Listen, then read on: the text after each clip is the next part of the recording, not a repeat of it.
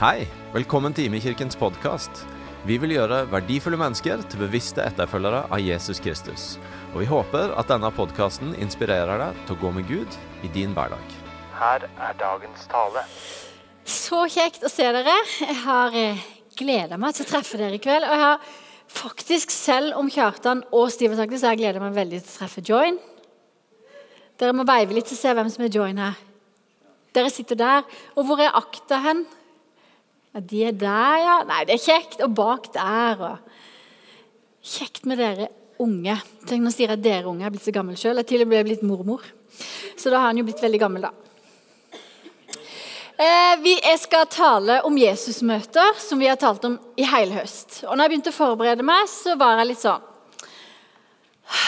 Ja, det er jo veldig fint å tale om et Jesusmøte som skjedde for 2000 år siden, og litt lenger enn det.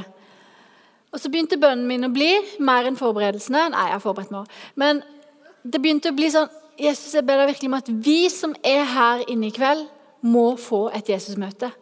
At jeg må slippe å bare tale om at uh, for 2000 år siden så var det en som fikk et Jesusmøte, men at vi skal få det her inne. Så det har vært bønnen min når jeg har bedt og forberedt meg. At vi sammen skal få det. Blir ikke det bra? Det er bra. Jeg skal tale om Peter som møter Jesus på stranda. Eh, og For å tale om han så må jeg liksom lese litt lenger enn akkurat bare det møtet. Så Jeg skal lese fra Johannes 21. Og så tenker jeg jeg begynner i vers 7. Og Så må jeg holde Bibelen litt sånn at jeg får nok lys på. Det var litt litt lys på her. Disippelen som Jesus hadde kjær, sa da til Peter, 'Det er Herren.' De lurte på hvem det var som var på stranda. 'Det er Herren.' Da Simon Peter hørte at det var Herren, bandt han kappen om seg, den han hadde tatt av, og kastet seg i sjøen. De andre disiplene kom etter i båten, dro garnet med fisken etter seg. De var ikke langt fra land, bare omkring 200 alen. Er det noen som vet hvor langt det var fra land? Jeg vet ikke. Men det var sikkert ikke så veldig langt fra land, for det står jo her. Hæ? Ca. 100 meter, sier de. 200 alen er ca. 100 meter. Da de var kommet i land, så de et bål der, og det var fisk og brød på glørne. Kom hit med noen av fiskene dere nettopp fikk, fisk, fikk sa Jesus. Simon Peter gikk da om bord i båten og trakk garnet i land. Det var fullt av stor fisk, 153 i alt. Men enda det var så mange, revnet ikke garnet. Jesus sa til dem, 'Kom og få mat.' Ingen av disiplene våget å spørre ham, 'Hvem er du?' for de visste at det var Herren. Så gikk Jesus fram, tok brød og ga dem. Det samme gjorde han med fisken. Dette var tredje gang Jesus åpenbarte seg for disiplene etter han hadde stått opp fra de døde. Og Så kommer delen med Peter og Jesus. Og der står det da de var ferdige med måltidet, sier Jesus til Simon Peter.: Simon, sønn av Johannes, elsker du meg mer enn disse? Han svarte, Ja, Herre, du vet jeg har deg kjær. Jesus sier, Fø mine lam. Igjen for annen gang sier han, Simon, sønn av Johannes, elsker du meg? Ja, Herre, du vet jeg har deg kjær, svarte Peter, og Jesus sier, Vær gjeter for sauene mine. Så sier han for tredje gang, Simon, sønn av Johannes, har du meg kjær? Peter ble bedrøvet over at Jesus for tredje gang spurte ham om han hadde han kjær, og han sa, Herre, du vet alt, du vet jeg har deg kjær. Jesus sier til ham, Fø sauene mine. Dette var Peter som møtte Jesus på stranda. Og det er den historien jeg skal tale ut ifra. Men jeg må nødt til å si litt om Peter, hvem han var, og hans forhistorie. ok?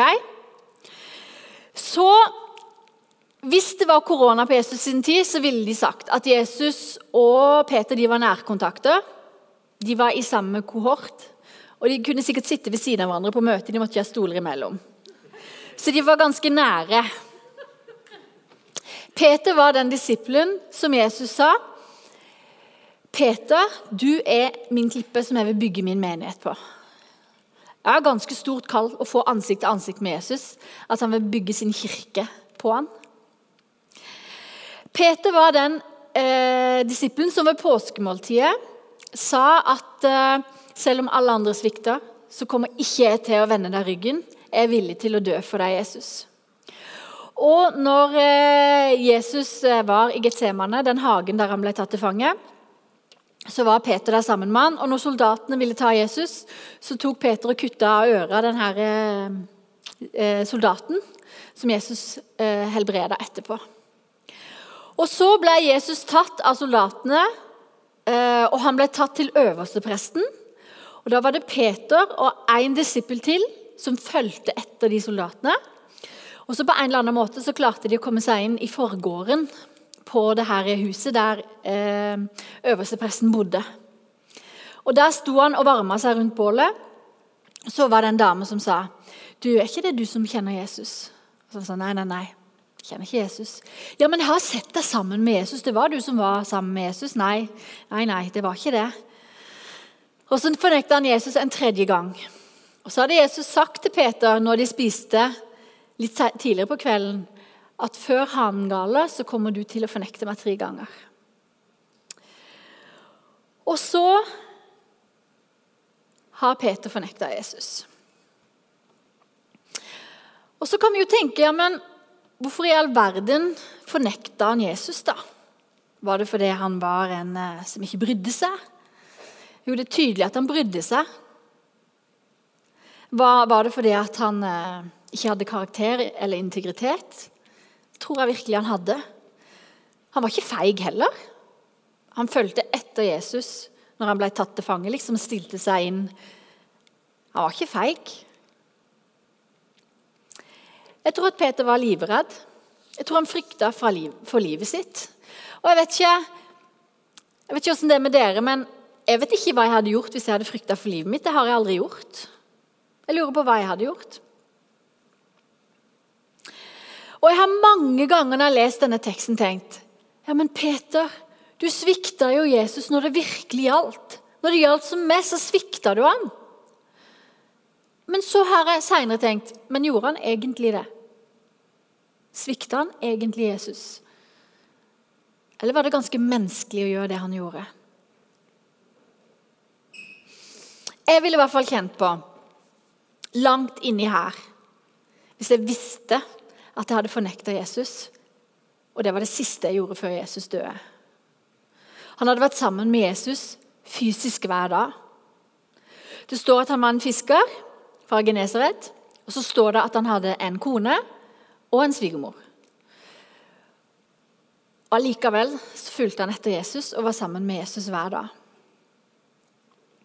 Og jeg vet ikke hvordan det er med du, men Hvis jeg har såra noen eller svikta noen eller gjort noe dumt mot noen, så er det liksom ikke sånn at Øystein, som er mannen min, da, trenger å si til meg at Gry, nå må du gå den opp. Nei, nei. Det forteller hele kroppen min meg. Jeg har vondt i magen, jeg, vondt, jeg kjenner det i hele kroppen at jeg kan ikke leve med at det er noe uoppgjort. Og jeg må få ordna opp fortest mulig. Og så vet Peter at jeg fornekta han, og Jesus døde. Og vet du hva? Jeg vet at, Jesus, nei, jeg vet at Peter virkelig elska Jesus. Og jeg vet at han var villig til å gjøre alt for Jesus. Og jeg kan se for meg når Peter var på stranda den morgenen. Og Så står det også tidligere i, Bibelen, nei, tidligere i historien at Jesus hadde vist seg for disiplene allerede to ganger, og dette var tredje gangen. Så Peter visste jo at Jesus levde, at han hadde stått opp da. Men jeg kan jo se for meg når han var på stranda den morgenen, at han var ganske nedfor. Og jeg blir stressa på vegne av Peter, at han ikke liksom hadde fått ordna opp. At han måtte gå med alt dette inni seg. Og det må ha gnagd godt. Og så kommer Jesus på stranda. Og Da står det at han bandt om seg den kappa som han hadde tatt av seg, og kasta seg i sjøen. Vi vet ikke hvorfor han kasta seg i sjøen, men han kasta seg i sjøen. Og Så kom han inn med de andre han satte seg i båten og kom inn med de andre når de skulle inn og spise fisk på stranda. Og Der sitter Jesus og har lagd et bål, og så griller de, og så spiser de. Og når de har spist, så vender Jesus seg til Peter så sier han, 'Peter, elsker du meg?'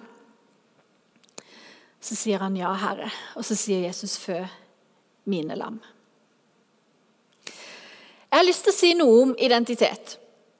For jeg tror at mange her inne vet at du er tilgitt. Når Jesus døde for deg på korset, så ble du tilgitt. Og så tror jeg av og til at vi lett kan glemme at vi er barn, og at vi er elska. Og Av og til så oppfører vi oss kanskje som at ja, vi er tilgitt, og vi er så utrolig heldige som har fått nåden. Og pga. de usle, forferdelige livene vi lever, og de elendige personene vi er, så må vi liksom bare sånn holde fast, sånn så vidt nåden holder oss oppe. Men så holder den, og så er vi utrolig takknemlige i all vår elendighet for nåden. Og så tror jeg at nåden blir noe som er strengt, og noe som er ufortjent. Parentes, den er jo ufortjent. Men eh, noe som bare er sånn så vidt. Og så tenker jeg at vi glemmer jo det viktigste av og til. At Jesus elsker oss. Og det var derfor han var villig til å dø for oss. Og så husker vi nåden, og så husker vi tilgivelsen. Men så glemmer vi liksom at grunnen til at nåden og tilgivelsen kom, var det at Jesus elska så høyt. Og I Johannes 3, 16 så står det for så høyt elsker Gud verden at han ga sin sønn den eneste, for at hver den som tror på han, ikke skal gå fortapt, men har evig liv. Og Videre i vers 17 så står det at Gud sendte ikke sin sønn for å dømme verden, men for at verden skulle bli frelst ved han. Og det at Jesus elska så høyt, gjorde at han fant en vei og en måte vi kunne være sammen med han på. Og det er ikke streng nåde mot noen usle mennesker. Nei, det er ubetinga kjærlighet fra en vanvittig god far til et elska barn. Og Gud, han er vår far, og vi er hans barn. Og Når Peter møter Jesus på stranda, så ser jeg for meg at det er litt sånn. Og Dette er fritt dikta fra taleren sjøl. Eh, og så er det fritt dikta samtidig som jeg kjenner Jesus. Og jeg vet litt om åssen det er å være datter. Og så gleder jeg meg til å forstå enda mer av det, for jeg forstår slett ikke alt, men jeg forstår litt. Så følg meg her da. Jeg ser liksom litt for meg at Jesus kommer på stranda. Og Så ser han Peter, og så tenker han Stakkars Simon Peter. Han har det ikke godt nå. Jeg må nødt til å finne en måte å reise han opp på, sånn at han forstår at jeg elsker han, og sånn at han forstår at jeg fortsatt har tro på han.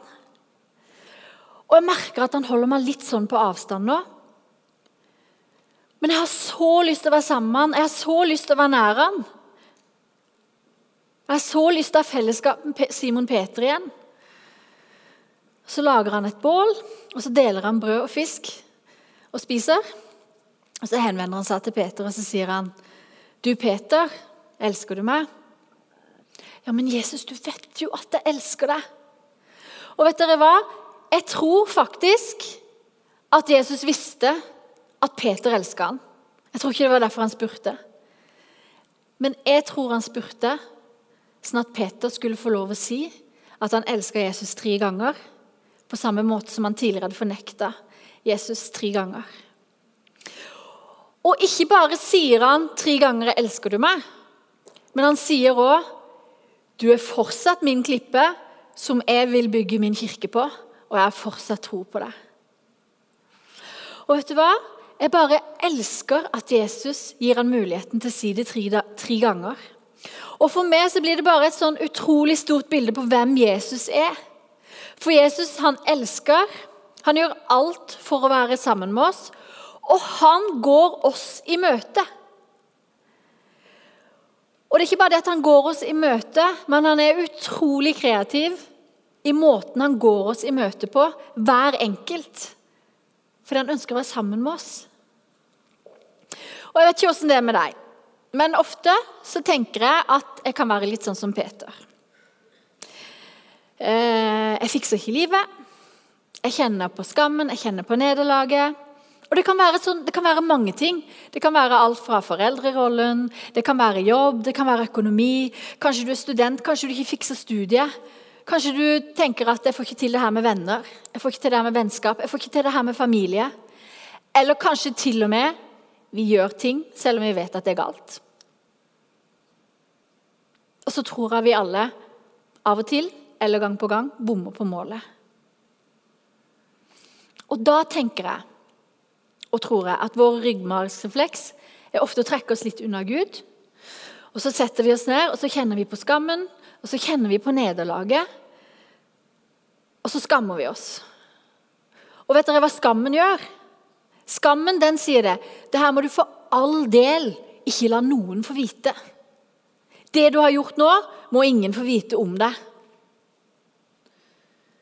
Og Så blir det noe du holder skjult for deg sjøl, og så trekker du deg bare unna. Og så har vi Jesus, som kommer oss i møte, og som sier at han elsker deg, at han elsker oss. Og så er det hans utgangspunkt. At han alltid, alltid, alltid vil leite etter kreative måter å komme deg i møte på. Det vi ikke fikser, det vi ikke får til, det som er våre nederlag, det har Jesus tatt, og han tilgir. Han kommer oss i møte. Og Han vil være der for deg, og han vil være der sammen med deg. Og så har jeg lyst til å fortelle en ting om Jesus som jeg virkelig, virkelig liker. Og som har hjulpet meg mye i det som har med nederlag å gjøre, men òg med det som har i det sammensuriumet om hvem vi er i Jesus. Så følg meg nå. Jesus han ble døpt, står det. Og når han ble døpt, så står det at det kom en røst fra himmelen som sa Dette er min sønn, den elskede. I han har jeg min glede. Og Så ble han sendt ut i ørkenen og ble frista i 40 dager og 40 netter. Og Så kom han tilbake, og så skaffa han seg tolv disipler. Og så begynte han å gjøre sin gjerning og gjorde masse tegn og under. Og mye forskjellig. Det var en veldig kort utgave av en lang historie. Men Jesus, han har et kall. Og i det kallet så går han i den vissheten om at han er Guds sønn, den elskede, som Gud har sitt behag i. Og vet dere hva? Vi her inne, vi er barn. Vi er sønner, og vi er døtre. Og vi her inne er elska av Gud, og han har sin glede i oss. Vi er dyrt kjøpt. Og jeg tenker at Jesus visste hvem han var, og han tjente ut ifra den han var. Og han møtte mennesker ut ifra den han var. Og Tenk om vi her inne kan forstå mer hvem vi er i Jesus. Tenk om vi på jobb, på skole, i møte med venner, i møte med medmennesker kan handle ut ifra de vi er. Og Det er ikke sånn at du først og fremst er tilgitt, at du har fått nåde, at du har fått et kall eller et oppdrag. Men du er først og fremst sønn og datter som vi elsker, som han har sin glede i. Og Ofte så kan vi tenke at vi er det vi gjør. Ikke sant? Jeg er Gry, jeg er undervisningsleder på Akta bibelskole. Jeg er mor, jeg er svigermor og jeg er til og med mormor. Og jeg er kone. Ikke sant? Og alt dette her er jo ting jeg på en måte er, som jeg gjør. Men hva om jeg mislykkes i det, da? Hva hvis jeg ikke får til å være en god kone? Det gjør jeg ikke alltid, da, men hva hvis jeg fullstendig mislykkes i det? Eller hva hvis jeg ikke får til å være det her med mor? Eller hva hvis jeg, hva hvis jeg liksom bare Jeg får høre en dag på jobb at vet du, det, det du leverer på jobb, det er ikke bra nok, Gry. Du kan ikke ha denne jobben lenger. Ja, Men hva er jeg da? Hvis jeg ikke er kone, mor eller den jobben? Men hvis jeg vet hvem jeg er i Han, først og fremst, og det er søylen som holder meg, og som er det jeg er Vi er elska. Vi er barn av Gud. Han gleder seg over oss. Og det er ut ifra den vi er, at vi gjør. Og Jeg tenker at jeg kjenner ingen, og jeg vet ikke om noen, som møtte mennesker sånn som Jesus møtte mennesker. Det var med en sånn stor kjærlighet og med en stor nåde og med sannhet. Og jeg tror Jesus møtte mennesker på den måten fordi han visste hvem han var. Og jeg tror han gikk ut og tjente mennesker rundt seg fordi han visste at han var Guds sønn, at han var elska, at Gud hadde sin glede i han.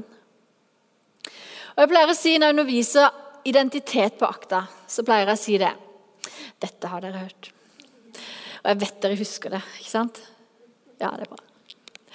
Jeg pleier å si det at om ikke du gjør én ting til hele livet ditt for Gud, så har det ingenting å si om han elsker deg mer eller mindre. For hans kjærlighet til deg er konstant, den er uforanderlig, og den kan ikke være noe annet, for det er sånn Gud er. Og det er sånn han elsker. Og eh, Noen av oss har barn, og når vi får barn, så er det jo liksom sånn du må gå gravid en stund. da, og Så kommer denne ungen ut, og så vræler den, og så gulper den. og Så må du skifte bleier, og så må du opp om natta. Og så har jeg til og med lest at øh, fra barn er 0 til 18 år, så koster det deg som foreldre flere millioner. Det er ikke tull. Jeg fikk helt sjokk når jeg så det regnestykket. Så tenkte jeg glad vi bare har to. Nei da. Men i hvert fall da når jeg fikk vår første, vårt første barn, Karoline, så var det sånn Hun hadde jo ikke gjort noen ting. Men jeg bare kjente at jeg elska henne så inderlig høyt. Og jeg syns bare at hun var så vakker. At det var det fineste jeg hadde sett. Og legen, fødselslegen han sa det. Bare slapp av, hun ser helt annerledes ut i morgen. altså. Og jeg bare skjønner, Hva er det han snakker om? Ikke sant? Og, og som foreldre du bare elsker. Og det er ikke det at de har gjort så mye for dette heller, men du bare elsker. Og så sier Bibelen at vi som foreldre kan ikke ane hvordan Gud elsker oss. For hans kjærlighet er så mye høyere, så mye dypere, så mye videre at vi kan ikke fatte det. Vi kan ikke fatte Guds kjærlighet for oss. Og det gjør inntrykk.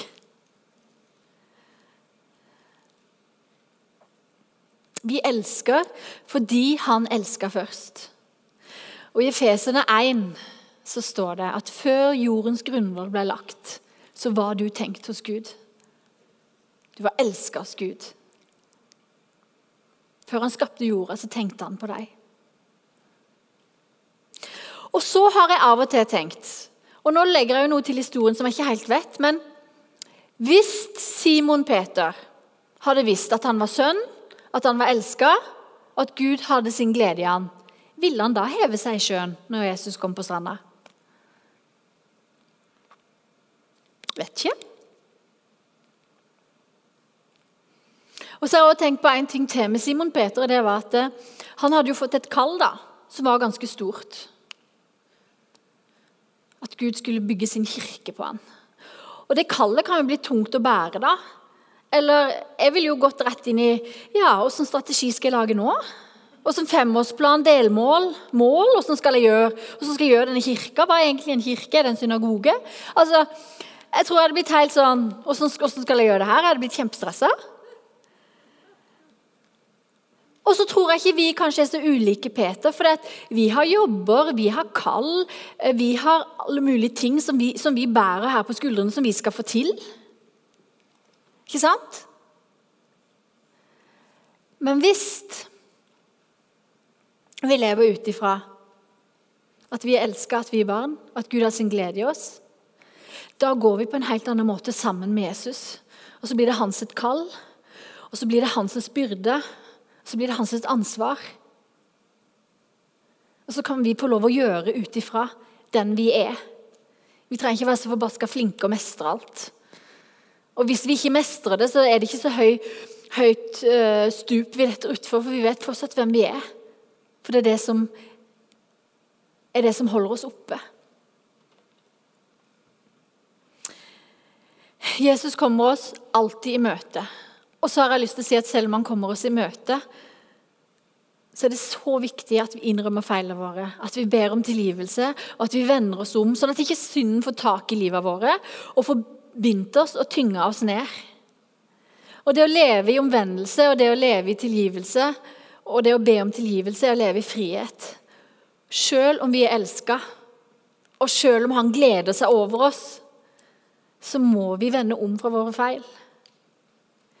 Den store forskjellen er at vi blir ikke en ussel synder, men vi forblir en elska sønn og datter som Gud har sin glede i, og som kommer oss i møte, og som løfter oss opp når vi har gjort feil. Jesus han møtte Peter på stranda, og Jesus han kommer oss i møte alltid. Hvordan vil du forholde deg til det? Vil du velge å ta imot det og omfavne det? Eller vil du velge å leve i skammen og nederlaget? Og jeg vet sjøl at av og til så tar det faktisk litt guts og litt sats og hele pakka å ta imot når Jesus kommer oss i møte. Men i det møtet så møter du en far som sier Du er min sønn eller datter. Jeg elsker deg, og jeg gleder meg over deg, og jeg tilgir deg. Og Jeg liker så godt denne historien om Jesus og Peter. For den forteller meg så utrolig mye om hvem Jesus er, og hvem vi er i han, og hvordan han ser på oss. Og så vil jeg si en ting om at eh, Vår identitet som Guds barn som elsker da Jesus kommer oss i møte, bør gjøre noe med måten vi ser på folk rundt oss. Og Jesus han gjør alt for å komme oss i møte.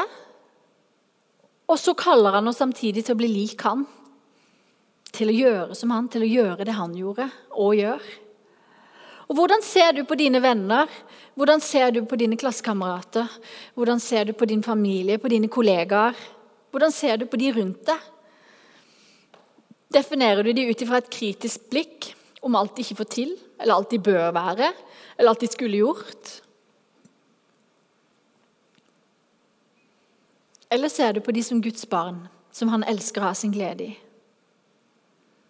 Og Det at Jesus kommer oss i møte, bør gjøre noe med hvordan vi møter andre og ser på andre. Og jeg elsker at Jesus kommer meg i møte, og at han aldri gir opp. Og Det er så utrolig trygt for meg at han gir meg aldri opp. Men han finner alltid en kreativ måte å møte meg på igjen. Og tenk om mennesker rundt oss kan få lov å oppleve det gjennom oss. At de kan få lov å oppleve at her blir jeg møtt på en måte som blir, det blir bare veldig uvant for meg. Men det var godt. Det bør gjøre noe med måten vi møter mennesker på når Jesus møter oss alltid, alltid og kommer oss i møte. Jeg skal slutte. Og Jeg begynte med å si at jeg har bedt mye denne uka om at Jesus skal møte oss her inne. Og jeg vet ikke hvordan du trenger at Jesus møter deg i kveld. Men du kan være helt sikker på at han står klar til å komme deg i møte. Og jeg vet ikke om det er nederlag, om det er svik, om det er smerte, om det er sorg, om det er spørsmål. Men jeg vet at Jesus står klar og gleder seg til å komme deg i møte. Fordi du er hans barn, og han elsker deg, og han gleder seg over deg. Jesus, jeg takker deg Jeg takker deg, Jesus, for at vi skal få lov å slippe å slite og kave med alt vi bør være, alt vi bør få til, alt vi skal klare. Og så takker jeg deg, Jesus, for at vi skal få lov å leve ut ifra at vi er elska. Og jeg takker deg, Jesus, for at det var ikke bare sånn at du på nippet elsker oss, men du elsker oss med en så stor kjærlighet som vi ikke kan forstå eller fatte eller begripe høyden og bredden av. Og når du ser ned på så gleder du deg over oss. Jeg ber deg bare, Jesus, om at du skal komme nå, Jesus, og møte hver enkelt her inne, Jesus. Midt i livet, midt der de er, Jesus. På din kreative, gode, gode måte, Jesus. Og Jeg ønsker spesielt å be for de som kjenner at eh, nå må jeg ta litt sats for å la Jesus møte meg. Nå må jeg ta litt sats for å La Jesus komme meg i møte. Jeg ønsker å be spesielt for de, Jesus, at du De skal bare få øye på deg. De bare skal få øye på hvem du er. Og så skal de få lov å se seg sjøl i ditt gode blikk, Jesus. I dine kjærlige øyne, Jesus.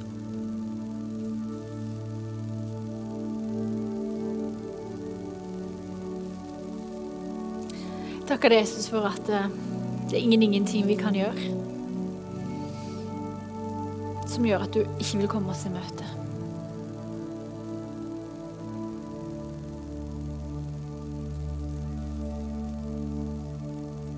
Takk at du elsker Jesus. Takk at du i våre nederlag er ute etter én ting, og det er å reise oss opp. Si at du har glede i oss, Jesus.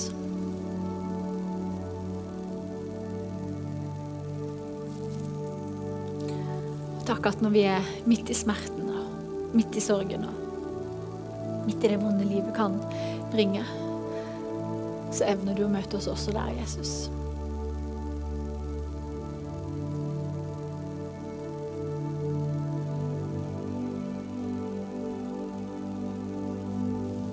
Kom med ditt nærvær. Kom med din ånd.